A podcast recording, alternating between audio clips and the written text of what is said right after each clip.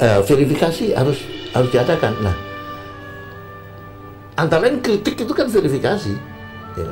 Ini tabu untuk bangsa ini. Karena bagaimana dia diajarkan? Ya saya diajarkan itu sejak kelas 3 SD. Saya harus menulis harus berita di, di muka kelas bagaimana kalau saya menulis surat kenapa ada perangkonya. Jadi saya harus ke kantor pos tanya kenapa kenapa gitu. Nah, ya waktu itu anak kecil ya agak takut masuk kantor pos apalagi ketemu direkturnya. Tapi ya harus dong karena itu assignment untuk minggu depan. Jadi saya tanya-tanya lalu lalu baru bercerita di kelas. Nah jadi eh, harus apa dari kelas 3 dilatih untuk mengumpulkan fakta objektif dan lalu menarik kesimpulan dan lalu memverifikasikannya. gitu.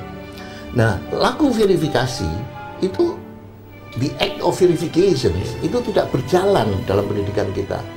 Kita hanya suruh ngapal dengar gitu. Nah, harus ada toh act of verification itu harus di anu, harus dibudaya, dibudayakan melewati pendidikan. Zaman Orla, zaman Orba, kalau kita mau mengumpulkan fakta ekonomi, fakta sosial, fakta politik kan nggak boleh, tidak bebas, disensor. Itu harus dengan izin LIPI dan lain sebagainya. Nah bagaimana kalau jadi seperti di negara komunis atau di negara fasis, bagaimana ilmu sosial dan ilmu ekonomi dan sebagainya bisa maju?